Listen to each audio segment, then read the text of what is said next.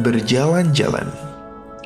Paman Kuak yang pemarah sedang berjalan-jalan dengan ketiga keponakannya, Quickie, dan kedua adik kembarnya, Quack dan Quack.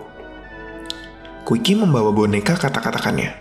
Boneka itu bernama Quick Quick dan sudah lama dimilikinya, jadi sudah jelek. Tapi Quickie sayang sekali kepadanya. Adik kembarnya, Quack dan Quack berkalung kartu pada lehernya. Pada kartu yang satu tertulis Quack, dan pada kartu lainnya tertulis Quack. Kartu ini perlu, sebab kalau tidak, kita tidak akan bisa membedakan mereka.